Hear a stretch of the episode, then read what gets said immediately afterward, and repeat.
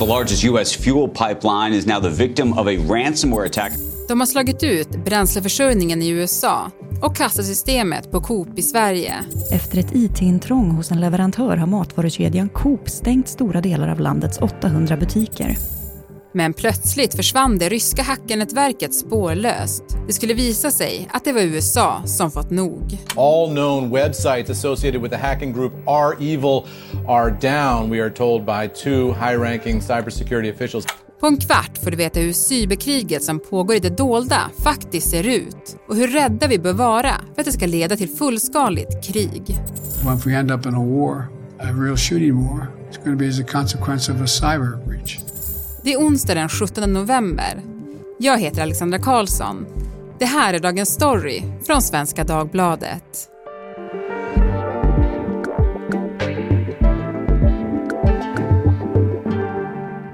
Henning Eklund, techreporter på SvD Näringsliv.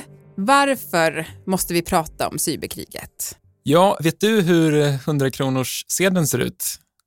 Eh, nej, nej, jag vet faktiskt inte det. Nej, in, inte jag heller. Jag fick googla innan jag gick ner hit till studion. Men det är ju ett bevis på hur digitala vi är. Alltså vi skulle inte ens klara av våra liksom dagliga liv utan att vara uppkopplade. Och ju mer som är uppkopplat, ju mer sårbara är vi för attacker. Och det, så redan idag så orsakar det här cyberkriget och de här attackerna stora skador på hela vårt samhälle. Ja, men vi kanske ändå ska börja där och lite reda ut, vad är det för någonting, cyberkriget? Ja, det är lite två delar som flyter ihop. För jag tänker det är både kriminella nätverk som eh, angriper oss för att tjäna pengar och så är det stater, liksom underrättelsetjänster, militärer som vill ägna sig åt spionage eller sabotage. Och de här jobbar ju delvis tillsammans också, vilket vi kanske kommer komma in på sen. Coop-butiker runt om i landet tvingas hålla stängt idag på grund av problem med kassasystemen efter en IT-attack. Mitt i sommarens semesterlunk fick många svenskar uppleva konsekvensen av ett pågående cyberkrig. Flera Coop-butiker runt om i landet tvingades stänga efter att kassasystemet slagits ut i en global attack. Attacken riktades mot det amerikanska mjukvaruföretaget Kaseya som via ett annat företag levererade kassalösningar åt Coop. We do not believe the Russian government was involved in this attack, but we do have strong reason to believe that the criminals are living in Russia. Bakom attacken stod den ryska hackergruppen R-Evil som tjänat enorma summor på digitala utpressningsattacker de senaste åren. Den grupp som påstår sig ligga bakom IT-attacken kräver nu 600 miljoner kronor för att återställa systemen. Men R-Evil är bara en av många grupper som för ett digitalt krig där målet i vissa fall är pengar medan det i andra fall är något helt annat. Ja, men vilka är då de mest aktiva grupperna? Ja, men precis som eh, när vi pratar om liksom gängkriminella i verkliga livet, jag ska säga i Sverige, så är det lite mer lösa sammanslutningar, det är nätverk som kan byta namn eller försvinna eh, eftersom de inte vill bli hittade, men vi vet ändå en del av de största, så vi kan börja med dem som eh, ett ryskt nätverk som heter Wizard Spider. Lite udda namn kan man tycka, men det är det största gänget som drar in mest pengar. Och enligt de experter jag har pratat med så snackar vi hundratals miljoner dollar under förra året. Och vad gör de? Mycket. De angriper företag för det mesta, slår ut deras system och sen så begär, eller krypterar deras system ska jag säga, och så begär man en lösensumma för att avkryptera dem. Och det kan vara väldigt stora lösensummor det handlar om, så de tjänar väldigt mycket pengar. Och om vi ska ta någonting från den andra aspekten så kan vi nämna enhet 74455 eller kanske som de är mer kända Sandworm. Och det är en del av Rysslands cybermilitär och de är mest kända för ett angrepp som slog ut elförsörjningen för 230 000 personer i Ukraina samtidigt som konflikten mellan Ryssland och Ukraina pågick 2015. Nearly a quarter of a million people lost power in this small Ukrainian city when it was targeted by a suspected Russian attack last December. The suspected motive for the attack is the war in eastern Ukraine. Och slutligen så kanske vi kan ta upp de som vi i Sverige känner mest till, då, R-Evil. Eh, det var de som låg bakom attacken mot Kaseya som slog ut Coops kassasystem, har också genomfört en attack mot USAs bränsleförsörjning i, som heter Colonial Pipeline och de är även de ett ryskt, ryskt nätverk. Men det här att de är ryska, hur vet vi det? Ja, jag pratade med ett företag som heter TrueSec som är ett svenskt säkerhets, cybersäkerhetsbolag som följer drygt 20 av de här nätverken och de säger att alla 20 som de följer är ryska. Det här vet man, alltså det finns inga bevis, man kan inte säga exakt vilka personer det handlar om, men man kan se till exempel hur koden är skriven och då är den skriven på ett sätt som gör att den inte ska exekveras, som då programmerarna skulle säga, eller aktiveras, som vi kanske skulle säga, på en dator om den har rysk tangentbordsuppsättning. Men man kan också se att de eh, till exempel vill rekrytera ryssar, de annonserar på ryska eh, och det går att se på koden också att eh, den har skrivits i ryska program i vissa fall. Men vad är deras mål då? Ja, det är cash. Det är ju tydligt och det är kanske inte så konstigt. Under de senaste tre åren så har man då kunnat härleda bitcoinbetalningar till de tio största kriminella nätverken på totalt 45 miljarder kronor. Och det är antagligen långt ifrån allt. Det finns antagligen mer pengar ändå som de har tjänat. Så de drar in väldigt mycket pengar genom att begå de här kriminella handlingarna, men de sitter också ganska säkra. De tar inga större risker att åka fast eftersom de sitter hemma i Ryssland och kan genomföra de här attackerna på resten av världen över internet. Men vilka jobbar de på uppdrag av? Ja, de finns ju de här kriminella nätverken som är ganska fristående. Men så finns det enligt de experter jag pratat med liksom en uppgörelse kan man säga med myndigheten i Ryssland som låter dem hållas på två villkor. Och det är då ett att de inte ger sig på ryska mål, alltså att de inte skadar liksom ryska företag till exempel. Och att de delar med sig av den intressanta informationen de, de kommer över. Så det finns de som till exempel R-Evil som är ute efter att tjäna pengar, så finns det de som Sandworm som är rent statliga och vill eh, genomföra den typen av angrepp. Och så går det ihop lite grann, de jobbar tillsammans, de kan anlita varandra och så vidare. Men vad gör vi för att stoppa dem då? Alla insatta personer jag pratat med skulle säga att vi gör för lite. Och det finns väl egentligen två delar och det första handlar om att skydda sig liksom från attackerna när de väl sker. Och det vet jag inte hur det går till när vi pratar om liksom militära mål, liksom allra mest skyddsvärda, det är vi nog väldigt få förutom de själva som vet. Men sen när det handlar om företag, myndigheter, så tar folk idag frågan på mycket större allvar, men det är väldigt svårt. Det finns inga system som är uppkopplade som är säkra. Det är en så här, jobbig sanning att höra. Men så finns det en annan del som är att man, ska, man kan få de här attackerna att sluta. Det hade ju varit väldigt bra, eller hur? Mm. Det skulle det antingen kanske krävas att de kriminella slutade tjäna så mycket pengar på det här. Och Då skulle det ju vara genom att företag skyddar sig bättre eller slutar betala lösensumma eller genom att sätta liksom diplomatisk press på Ryssland och få det här att upphöra. Det USA under Joe Biden har börjat försöka bli mer aktiva där, men eh, det ser ut att vara en lång bit kvar från att få det att upphöra. The federal government can't meet this challenge alone. So I've invited you all here today because you have the power, the capacity and the responsibility, I believe, to raise the bar on cybersecurity. Ja, just cybersäkerhet är en fråga den amerikanska presidenten Joe Biden nu satt högst upp på dagordningen. I maj tvingades USAs största oljeledning, som förser stora delar av USA med bränsle, att stänga efter en cyberattack. I USA riskerar en cyberattack mot ett av landets största pipelinesystem att leda till högre bensinpriser.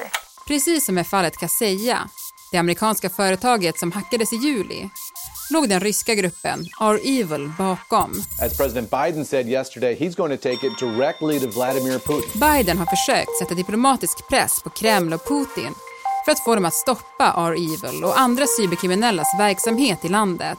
Men när det inte gav önskat resultat tog man istället till militära medel. Several websites linked to R-Evil have gone offline.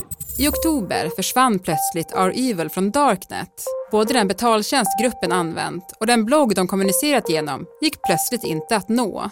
Det visade sig att de själva hade blivit hackade. The US government will continue to aggressively pursue the entire ransomware ecosystem and increase our nation's resilience to cyber threats. FBI, Secret Service och Cyber Command, alltså den del av den amerikanska militären som arbetar med cyberkrigföring, låg bakom attacken.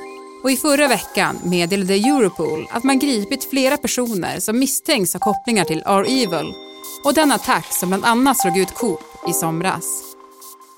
Det är ju en upptrappning, jag skulle, vet inte om jag skulle säga mot ett cyberkrig, men i alla fall en liksom intensifierad cyberkonflikt. Vi befinner oss i någon slags gråzon. Det är inget storskaligt fullt krig, men det är inte heller fred. Vi är någonstans däremellan där de här länderna bedriver offensiva kampanjer mot varandra och vi vet också Kina, Iran, Nordkorea, den typen av länder också genomför sådana här stora angrepp. Men när det gäller Sveriges förmåga då, till militära cyberoperationer, vad vet vi om den? Ja, Sverige fick sina första värnpliktiga cybersoldater förra året, juli 2020. Och då var det 30 värnpliktiga som började gå den utbildningen. kan man ju, om man vill vara lite elak, jämföra med Kina som eh, enligt eh, Foreign Policy Magazine har någonstans mellan 50 och 100 000 cybersoldater. Jag säger inte att Sverige bara har 30 stycken, de har säkert fler, det vet inte jag. Och jag vet inte heller exakt vad de håller på med. Jag har försökt ta reda på det, men det är locket på. Det man kan säga är att de här cybersoldaterna kan och får genomföra vad man kallar för offensiva operationer. Men går det då att säga om Sverige gör tillräckligt eller så här, hur sårbara är vi? Ja, vi kan säga att vi har kommit väldigt långt i digitaliseringen i Sverige, ett av världens mest digitaliserade länder och det kommer ju bli ännu mer av det. Tänk till exempel när alla bilar på gatorna är uppkopplade hela tiden. Eller när alla prylar i våra hem är uppkopplade. Eller om det här med biohacking blir större, att vi börjar ha liksom delar av våra kroppar som är uppkopplade och inga uppkopplade system är säkra. Alltså utifrån den här ekvationen så drar jag slutsatsen att vi är väldigt sårbara och att det kommer bli ännu värre. Mm. Det låter läskigt. Ja, det är lite dystopiskt, men eh, som tur är så finns det väl någonting vi kan göra åt det. Men jag tänker så här, även när man förstår konsekvenserna av de här attackerna och jag tyckte det blev väldigt tydligt då när Coop var tvungen att stänga i somras och jag inte kunde gå dit och handla till exempel så är det ändå lite diffust, alltså hur många attacker som pågår och vad som liksom den yttersta konsekvensen kan bli. Och du var ju lite inne på det att vi inte är riktigt där än, men jag har förstått det att det ändå är ett storskaligt krig som skulle kunna bli det slutgiltiga här. Absolut, man kan ju till exempel fråga tidigare nämnda Joe Biden och han sa tidigare i år att om vi hamnar i ett riktigt krig mot en stormakt så kommer det vara en konsekvens av ett cyberbrott. Så det är absolut både en källa till konflikt och en arena för konflikt, eller vad man ska säga. Och jag vet inte hur mycket vi ska spekulera, men vi kan ju till exempel nämna de här uppkopplade bilarna. Vad händer om den främmande makt tar sig in i de här systemen som styr de här bilarna och gör till exempel då viktiga politiker, viktiga militärer, deras bilar ska köra jättefort in i en vägg. Alltså det, mm. det, det är absolut inte otänkbart. Vi har en liten fingervisning från Ukraina som jag nämnde lite med Sandworm 2014-2015. Att då kunna slut elförsörjningen i ett stort område där striderna står, det måste ju vara en väldigt bra grej. Även om jag inte är militär så kan jag tänka mig det. Mm. Och om det då skulle bli ett storskaligt krig, alltså är det, ja, vilken roll kommer då cyberstriderna spela i sådana fall? Är det typ den typen av roll? Ja, dels den typen av att kunna slå ut en infrastruktur, till exempel en oljeledning eller ett elförsörjningssystem. Men jag tror mest, eller det jag har förstått det mest som är att det kommer vara viktigt ur ett underrättelseperspektiv att kunna se in i fiendens system och då veta vad för de har för vapensystem till exempel, var och så vidare. Till sist då, finns det något man själv kan göra för att skydda sig själv och även andra? Bra fråga. Det finns det absolut. Det första vi borde göra är att vara medvetna om problemet, ta det här på allvar, liksom, upp i företagsledningar, upp på politisk nivå. Men sen finns det några enkla tips som vi alla kan, eh, kan ta till oss. Första, lite tråkigt, men lösenord. De ska vara långa, de ska vara olika, du ska inte ha samma lösenord överallt. Sen vill jag uppmana till tvåfaktors autentisering, alltså till exempel en eh, pushnotis på mobilen tillsammans med lösenordet gör det mycket säkrare. Tredje tipset, uppdatera, uppdatera, uppdatera alla program, operativsystem och så vidare. Uppdatera dem när du får möjlighet. Och så slutligen, var lite försiktig med att använda trådlösa nätverk på stan. Jag vet att det kan vara frestande med gratis wifi, men eh, man tar också en risk när man kopplar upp sig mot ett sånt. Mm.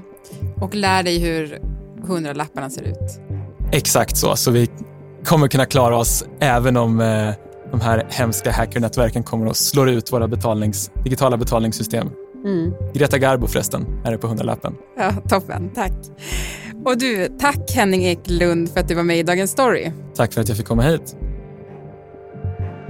Och vill du höra heta diskussioner om aktuella frågor? Lyssna på ledarredaktionen, också från Svenska Dagbladet. Programmet idag producerades av Daniel Sävström. Redaktör var Teresa Stenler från Matern och jag heter Alexandra Karlsson. Vill du kontakta oss så mejla till dagensstory.svd.se.